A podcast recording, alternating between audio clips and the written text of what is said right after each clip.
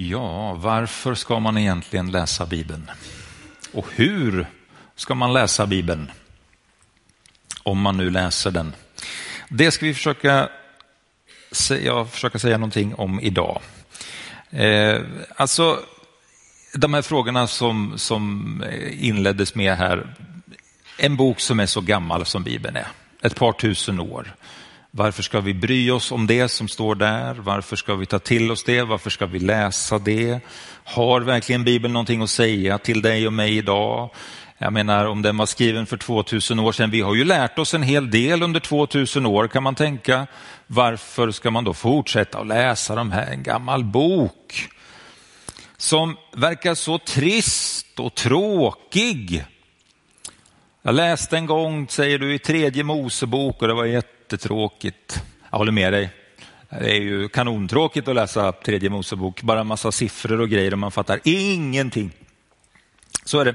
Men så här är det med Bibeln, att trots att den är så här gammal som den är, så är den fortfarande världens mest sålda bok, mest köpta bok, mest lästa bok och mest spridda bok över världen. Hela västvärldens civilisation är ju liksom påverkad och byggd på de här orden som finns i Bibeln. Lagarna i vårt land bygger till exempel på vad Bibeln säger om vad som är rätt och vad som är fel. Mycket av de skönlitterära verken och böckerna som har skrivits under, de, under åren har inspirerats av Bibelns berättelser. Och om man vill förstå analogierna och man vill förstå bildspråket i de här böckerna och vad det syftar till, ja, men då behöver man ha kännedom om vad Bibeln säger för någonting. Så man skulle helt klart kunna säga att om man inte läser Bibeln så kommer man få svårt att förstå mycket av det som faktiskt händer i vårt samhälle. Även ifall det är så att det väldigt sällan talas om Bibeln så är det så att till grund för mycket av det som händer och sker så finns Bibeln. Och många gånger så vet folk inte ens om det. Men man är så påverkad av Bibeln i alla fall. På det sättet så är Bibeln utan tvekan den bästa boken som du kan läsa om du vill känna dig och vara allmänbildad och ha lite koll på vad som egentligen händer i samhället. Men det finns ju även andra perspektiv naturligtvis. Det finns även någonting som går djupare än det att Bibeln är en bok som påverkar vårt samhälle så mycket som den gör. Eh, Bibeln säger om sig själv så här, varje bok i skriften är inspirerad av Gud och till nytta när man undervisar, vederlägger, vägleder och fostrar till ett rättfärdigt liv. Okej. Okay. Eh, Bibeln är alltså inspirerad av Gud. Det, det, det, är människor som har skrivit Bibeln. Det är människor som har skrivit ner tankar de har haft och så har de skrivit det. Men de här människorna, de har varit inspirerade av Gud. Det här ordet inspirerad, det kan också förstås som att det är någonting som har utandats. Gud själv har liksom andats på de här människorna, de här författarna, så att när de sitter och skriver, då är det inte deras egna tankar tankar som de sitter och skriver ner, utan det är tankar som har blivit påverkade utav Gud, utav den helige ande och ut kommer det någonting som kommer från Guds hjärta till oss. Och om det finns en bok där du kan, som du kan läsa, där Gud själv har lagt ner sina tankar, sitt hjärta, det som han vill för ditt liv, det som han vill för världen, då tror jag att det är rätt så bra att läsa den boken, eller hur? Om, då kan du få ta till dig någonting utav vad Gud har gjort för dig och vem Gud är och vem du är. Det kan du få genom Bibeln. Därför att Gud har liksom andats på den här, den här boken.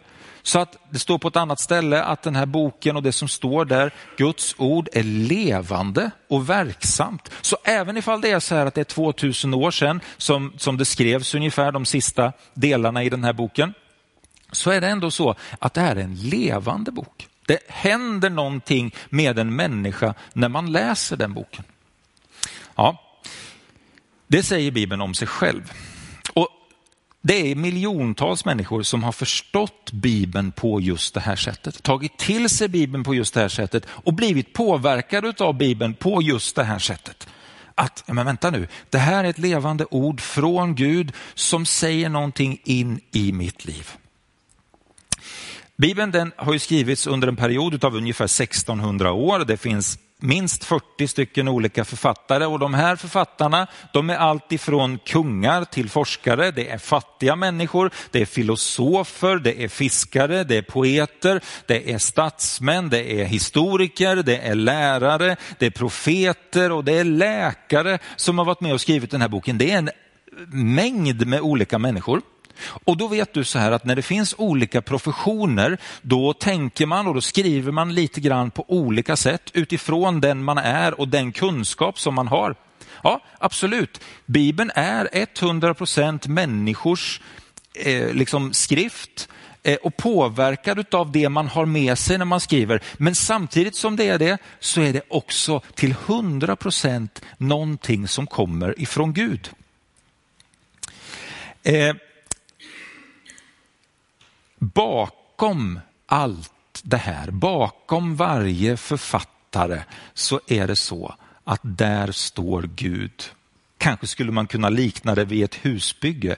Eh, när man bygger ett hus så, så går det åt många människor för att bygga det här huset. Men bakom det här så är det någon som har designat och gjort en ritning. Det finns en arkitekt bakom.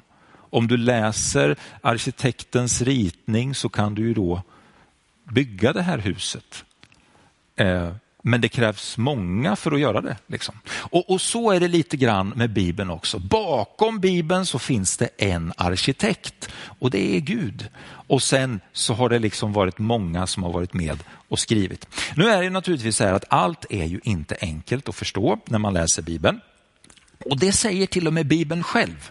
Ni vet Petrus, en av dem som, som skriver i Bibeln, han säger om, om Paulus, som ju också skrev böcker i Bibeln, då, då, då säger han så här att ja, det finns somligt i hans brev som är svårt att förstå. Så Petrus, han sitter där och skriver ord ifrån Gud som du och jag läser och så sitter han och läser Paulus ord och så tänker han, det var väldigt vad svårt det var att fatta det här. Liksom. Och det är klart, om de som själva varit med och skrivit Bibeln tycker att det kan vara ett visst motstånd och svårt att läsa Bibeln, då förstår vi att det kan också vara svårt för dig och mig att förstå vad som står. Det är en utmaning att förstå en del texter eh, som någon har sagt. Jag kommer inte ihåg riktigt vem det är som har sagt det, men, men ungefär så här att alltså det är inte texterna som jag, för, som jag inte förstår som jag har störst problem med. Det är inte de texterna som jag inte begriper som jag har, har störst problem med, utan det är de texterna som jag faktiskt förstår vad de, vad de säger som jag får problem med. Varför? Jo, därför att om jag förstår vad som står, då ska jag ju följa det. Ja. Och då, mina vänner, då blir det knivigt. Då blir det utmanande, eller hur? Så är det med Bibeln. Bibeln påverkar den som läser den. Så oroa dig inte för så mycket om det är texter som du kanske inte riktigt begriper och förstår. Det är många som inte fattar det. Men de grejerna som du faktiskt kanske förstår, vad gör du med det? Eh, sen är det ju så att det finns ett avstånd i tid och kultur och så eh, och det gör att det kan vara svårt att förstå på grund av det. Eh, här behöver vi hjälp ibland och det finns, bedrivs väldigt mycket bibelforskning och det bedrivs forskning liksom i, i hur var det på den tiden när det här skrevs. Och det är en hjälp för oss att förstå vad texterna betyder. Det är inte oväsentligt faktiskt när man ska förstå Bibeln. Det finns en del moraliska problem i Bibeln som dyker upp och man tänker så här att oj, vad, vad i hela världen, vad betyder det här? Är det verkligen så här det ska vara? Det är inte lätt. Det finns också en del uppenbara motsägelser. Men när jag säger det att det finns en del uppenbara motsägelser, då, då så ska man också lägga till att det är ganska svårt att hitta de motsägelserna. De finns där, men det är ganska svårt att hitta dem. En del vill ju gärna peka på evangelierna. Det finns ju fyra evangelier och de fyra evangelierna beskriver ju Jesu liv. Och så brukar man läsa dem och så brukar man säga så här, titta så olika det är. Det motsäger varandra. Nej, men det, det, gör det ju egentligen inte. Det är snarare tvärtom. Här är det olika ögonvittnesskildringar. Människor har beskådat och sett det som har hänt i Jesu liv från olika håll och sen har man skrivit ner och givit sin bild av det. Vi leker med tanken, vi som är här inne idag, jag vet inte hur många vi är, någonstans mellan 150 och 200 säger vi att vi är. Vi är här på samma gudstjänst, eller hur? Så säger vi så här att vi förflyttar oss fram, fram, framåt i tiden och så får du en uppgift och den uppgiften det är att du ska skriva om vad som hände på gudstjänsten i Pingstkyrkan på den här förmiddagen. Då är det ju så här att ni som sitter där borta, ni kommer ha en bild på det hela och ni som sitter här, ni kommer ha en annan bild. Det som händer här i den här gudstjänsten, det är att en av våra pensionärer jular där borta. Det är ganska oväntat ni här framme, ni har ju inte sett att, att pensionären julade där borta. Men de som sitter där tycker att wow, det var fantastiskt. Det var en av våra pensionärer som julade. Det händer inte så ofta. När de beskriver den här gudstjänsten så kommer de att skriva, det var en fantastisk gudstjänst. En av våra pensionärer julade. Eh, kan, ni, kan någon göra det nu av er där bakom? Eh, nej, ja, okej, okay. ja, vi hoppar över det då. Eh, men, men, i alla fall, ni som sitter här framme, ni såg inte det, men ni var med på samma gudstjänst, eller hur? Alltså att det finns skillnader i hur evangelierna förklarar vad som hände med Jesus. Det är inte någonting som säger att Bibeln har fel eller en motsägelse, utan det är på grund av att när vi som människor betraktar Jesus, betraktar det som händer, så ser vi olika saker. Olika perspektiv som ger en djupare förståelse, en större förståelse av vem Jesus är och vad Gud har gjort. Ja, eh,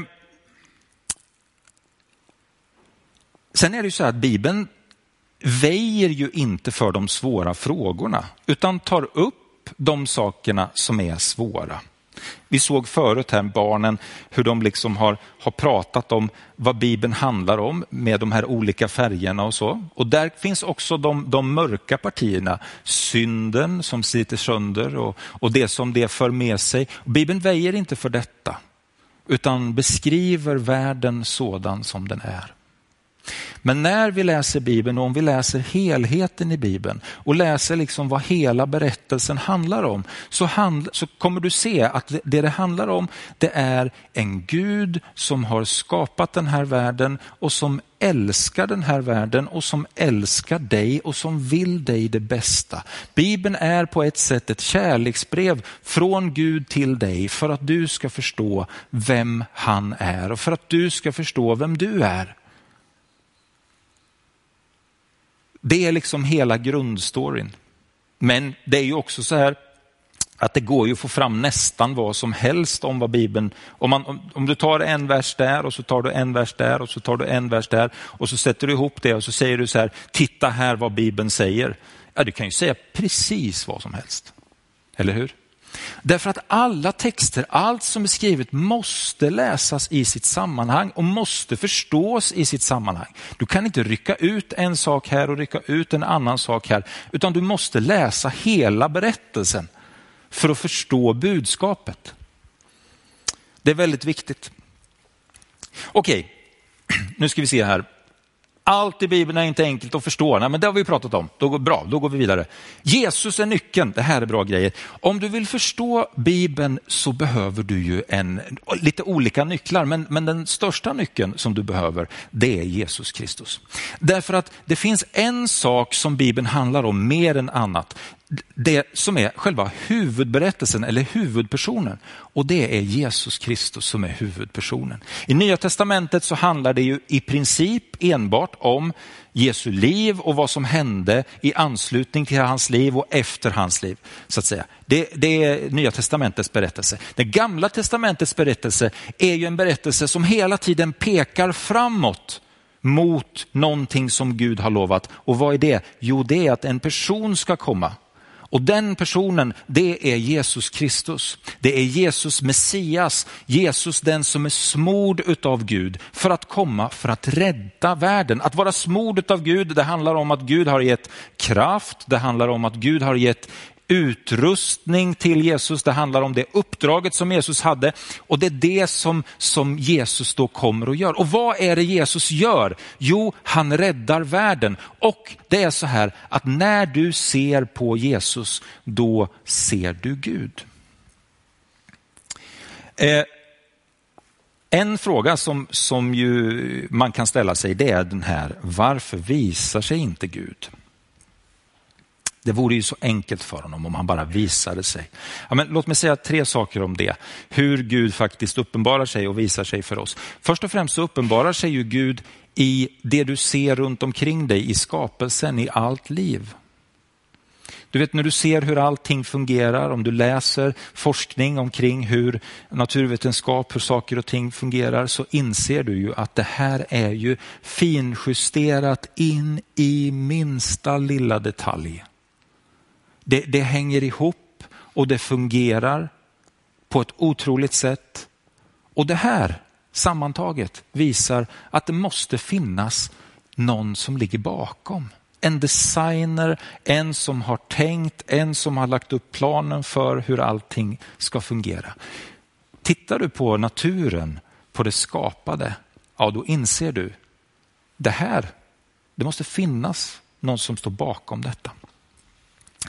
En annan sak som, som pekar på att det faktiskt finns en Gud, det är det att i varje människa så finns det en längtan efter någonting mer. Det finns i ditt liv. Du har en längtan efter någonting mer. Det finns en fråga i ditt liv som handlar om vad handlar det här livet om? Vad ska jag göra med det här livet? Vad, vad är poängen? Vad är meningen?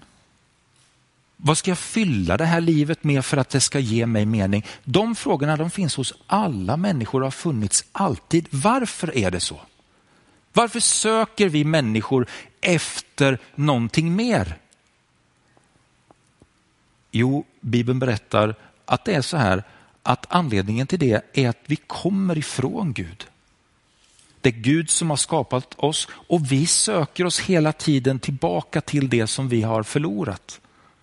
Vi vill ha den där kontakten med Gud.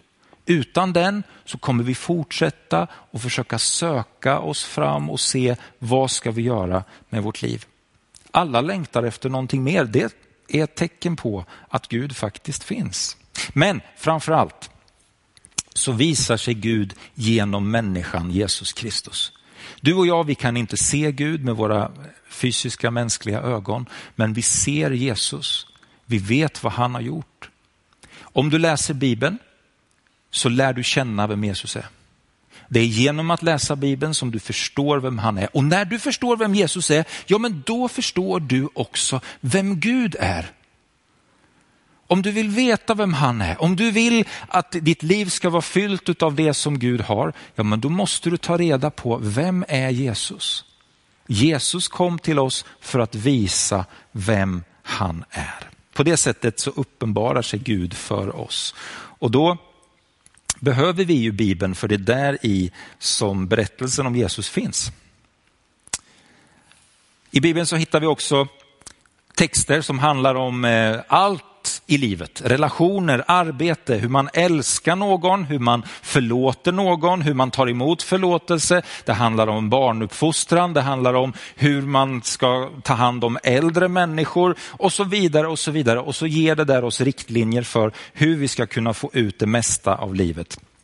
Och Det är ju så här att gränser och riktlinjer, det behöver ju vi människor. Eh, vi kanske inte tycker om det så mycket alltid, men vi behöver gränser och riktlinjer. Och det här är ju någonting som vi känner till allihopa, eller hur? Det finns ju ingen god förälder som inte har dragit upp riktlinjer för sina barn och har gränser för sina barn. Det finns ingen god förälder som låter sitt barn klättra upp på spisen och ta tag i en gryta med varm soppa liksom, och säga ja, fortsätt du och lek, det blir bra, det är klart, full frihet. Det är ju livsfarligt, eller hur? Det går ju inte. Utan som en god förälder så säger du stopp, och vad gör barnet? Ah! Skriker och tycker att nej, jag vill inte pappa, du är dum. Jag vill göra det här, men det är farligt. Ja, men om jag skriker lite till då, så får jag som jag vill. Och det var inte så bra kanske att få soppan över sig. Eller hur? Riktlinjer för hur vi ska leva, gränser för hur vi ska leva, det behöver vi. Tänk dig en fotbollsmatch utan regler. Plötsligt så är det inte 11 mot 11 som spelar, utan helt plötsligt så är det 100 personer på det ena laget och 11 personer på det andra laget. Plötsligt så är det liksom 20 stycken bollar och man får göra mål i vilket mål som helst. Man får kasta in bollen och ingen ordning alls. Är det, är det roligt att spela? Nej, inte så roligt att spela. Är det roligt att titta på? Ja, det, är, det är många här som inte gillar fotboll. Du får sätta in den här berättelsen i någonting som du för, som tänker att det här är kul. Ja, men, men ni hajar grejen, va? det är ju inte kul att spela, det är ju inte kul att titta på, det är ju inte någonting. Liksom. Regler, riktlinjer behövs för att livet ska fungera. Och varför Gud sätter upp regler och riktlinjer, det handlar om att han inte vill att du ska bli skadad och sårad. Han vill inte att du ska bli skadad och sårad och han vill heller inte att du ska skada eller såra någon annan människa. Och om du då lyssnar på det han har sagt, ja då kommer du faktiskt inte skada eller såra andra människor. Det kommer du inte göra. Och om andra människor runt omkring dig lyssnar på det som Gud har sagt, då kommer de heller inte att skada eller såra dig. Och det är ganska fint, eller hur? Bibeln är rätt bra. Framförallt så handlar Bibeln om relationen med Jesus Kristus. Det handlar om att, att vi ska förstå vem han är. Eh, I Johannes 20 och 31 så står det, men dessa tecken har upptecknats för att ni ska tro att Jesus är Messias och för att ni genom att tro ska ha evigt liv i hans namn. Alltså det som har skrivits ner, det som har nedtecknats i Bibeln, det handlar om att du och jag ska förstå vem Jesus är. Och Det handlar om att Gud vill berätta vem han är för dig och att du ska kunna tro på det och lägga ditt liv i Guds händer. Hörrni, nu har jag pratat väldigt mycket om varför man ska läsa Bibeln. Jag ska bara säga någonting kort också om hur man ska läsa.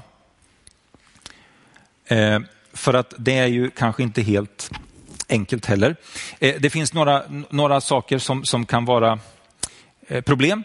Eh, en, en, problem är att eh, när man får tag i den här boken och tycker att det här är fantastiskt, då kan det ibland bli så att man blir lite för ambitiös. I början är det väldigt lätt att läsa Bibeln och man tycker, oh vad spännande, det här var spännande och det här var spännande. Då kan man läsa i princip hur mycket som helst.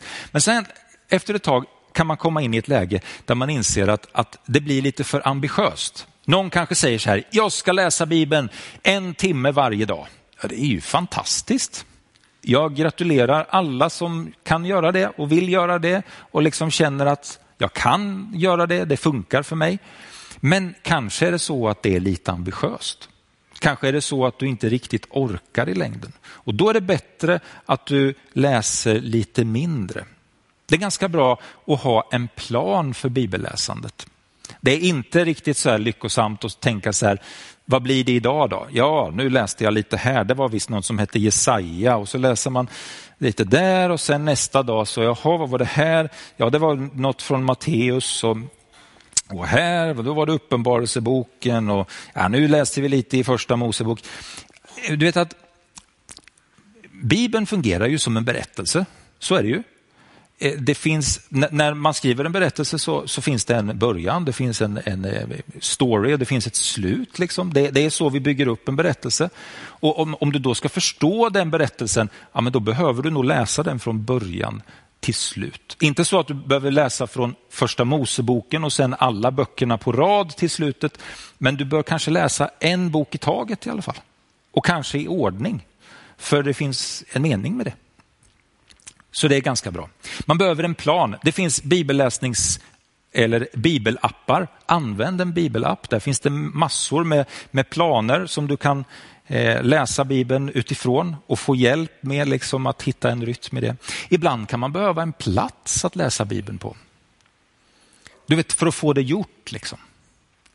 Kanske är det så att du behöver hitta din plats. Var är det du sitter och läser Bibeln? Ibland behöver man fundera på när man läser Bibeln. Det är, det är, fint att läsa Bibeln när man ska gå och lägga sig. Det gör jag ofta. Jag läser ofta Bibeln innan jag somnar. Men samtidigt är det ju också så här, det får man ju lov att erkänna, att när man ligger där i sängen och läser Bibeln så efter ett tag så liksom, oj, vad var jag nu liksom? Och så kan man sitta där och kämpa med en vers och komma igenom en vers för man, man somnar liksom, eller hur? Om det är så att man hela tiden sitter och somnar eller ligger och somnar när man läser Bibeln, då kanske man ska välja en annan tidpunkt att läsa Bibeln på. Det gäller att hitta när det passar för dig. Vid vilket tillfälle. Vad fungerar för dig? Och när du läser Bibeln så ska du behandla Bibeln som att det har en mening för ditt liv. Att Gud vill säga någonting till dig. Ställ frågan, man kan ställa jättemycket frågor när man läser Bibeln, men jag tror faktiskt egentligen att, att det räcker med kanske en grundläggande fråga och det är den här. Vad Gud vill du säga till mig idag genom det här som jag läser? Och du vet om man ställer den frågan så kommer du upptäcka att oj, Gud säger ju en hel massa saker. Det kanske inte är så att varje dag att du upplever att ja, nu fick jag någonting här, men ofta kommer du uppleva att Gud säger någonting till dig. Därför att Bibeln har andlig mat. Och därför så är det viktigt att komma ihåg också att Bibeln kan inte behandlas på det sättet att man tänker så här, ja men jag har ju läst Bibeln. Det gjorde jag 89 till 91, då läste jag igenom Bibeln. Avbockat och klart. Nej, så är det ju inte. För att det är andlig mat. Precis som, tänk om du skulle säga så här att ja, jag hade några år, tio år sedan, då åt jag riktigt ordentligt. Ett par, tre år. Det gjorde jag. Jag gick upp en del i vikt. Ehm, och eh, jag såg till att äta riktigt bra med mat. Men det har jag slutat med nu de sista fem åren. Ja, alltså det blir bara knäppt, eller hur?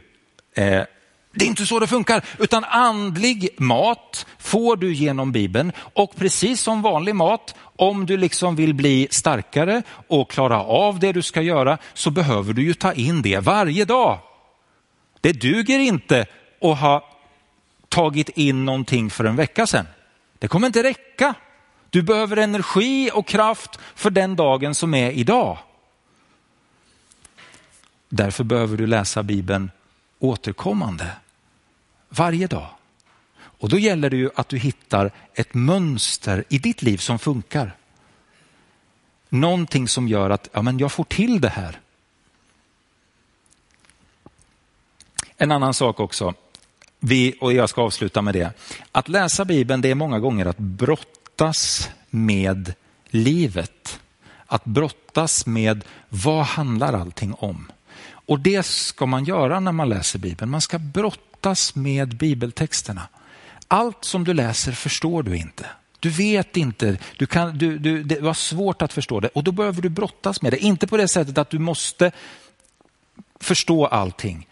Men i brottningskampen med Bibeln, med Guds ord, så kommer någonting hända i ditt liv. Du kommer att bli förvandlad. Guds ord kommer att verka på ditt liv och förändra dina tankar, förändra ditt livsmönster. Så se till att Bibeln får vara en vän som du har med dig hela livet, alla dagar. Och se till att du brottas med det. Du behöver inte förstå allting. Du behöver inte ha svaren på allting. Det får vi inte här. Men låt Bibeln påverka ditt liv. Herre, tack för ditt ord. Tack för att det är levande och verksamt. Tack Herre Jesus för allt det som, som finns i ditt ord Herre, som vill visa oss på rätta vägar Herre. Far i himmelen, jag ber om att vi ska få kunna ta till oss och höra vad du vill säga till oss, Herre. Låt oss få leva utav ditt ord. Tack för att det är andlig mat att läsa ditt ord. Jag ber dig Herre om att vi ska få komma till den där punkten Herre när vi läser Bibeln om och om igen. När vi brottas med ditt ord, tar till oss vad du säger. Herre, tala till oss genom ditt ord. Tack för att du gör det. Och Herre, du ser om det är någon här inne som, som känner att, eh, att man inte har läst Bibeln alls kanske, eller, eller så, tycker det är svårt. Jag ber om att du ska ge inspiration till att läsa Bibeln. Jag ber om att du ska eh, visa hur eh, de kan göra. Tack för att du vill vägleda med din helige ande, Herre. Och hjälpa oss att läsa från ditt ord. I Jesu namn. Amen. Eh, lovsångsteamet ska få komma upp. Vi ska sjunga tillsammans, vi ska be tillsammans en stund. Eh, och under tiden som vi gör det så finns det också möjlighet för dig att, att komma fram för förbön. Det finns, kommer finnas förebedjare som sitter här. Kanske vill du tända ett ljus, kanske är det någonting som du, som du bär på. Kanske är det någonting som du brottas med i ditt liv som du behöver lämna till Gud, som du vill ha hjälp med. Eh, om det nu handlar om hur du mår till kroppen eller om det handlar om hur du mår till själen eller hur du mår till anden eller vad det nu handlar om, så är du välkommen fram. Så vill vi hjälpa dig, vi vill be för dig. Eh, det är alltid fantastiskt att få lägga sitt liv i Guds händer, att få lägga sina problem, sina svårigheter, sin nöd, eh, också sina glädjeämnen till honom. Eh, och veta att när vi gör det så finns det också någon som lyssnar på, på det. Vi tror på en Gud som hör bön. Vi tror på en Gud som vill möta dig där du är. Och därför vill du komma fram, vill du ha förbön så är du välkommen. Så hjälps vi åt och ber för dig. Nu tar vi en stund när vi är inför Guds ansikte. Vi sjunger de här bönerna och sångerna som vi sjunger, det, det kallar vi för lovsånger. Och de, här, de här sångerna de, de handlar egentligen om en enda, eller ja, två saker kan man säga. Den ena saken är eh, att lyfta upp vem Jesus är. Det är den ena saken. Och den andra saken är att, att du och jag ska liksom kunna rikta in våra liv mot Jesus. Därför att det är det viktigaste som, som man kan göra. Att rikta in sitt liv mot Jesus. Så det är ett bönespråk. Det är ett sätt att komma nära Gud. Känner du inte till sångerna så behöver du inte vara med och sjunga. Liksom. Men, men det här är en plats och en stund när du har möjligheten att rikta in ditt liv mot Jesus. Ta den chansen.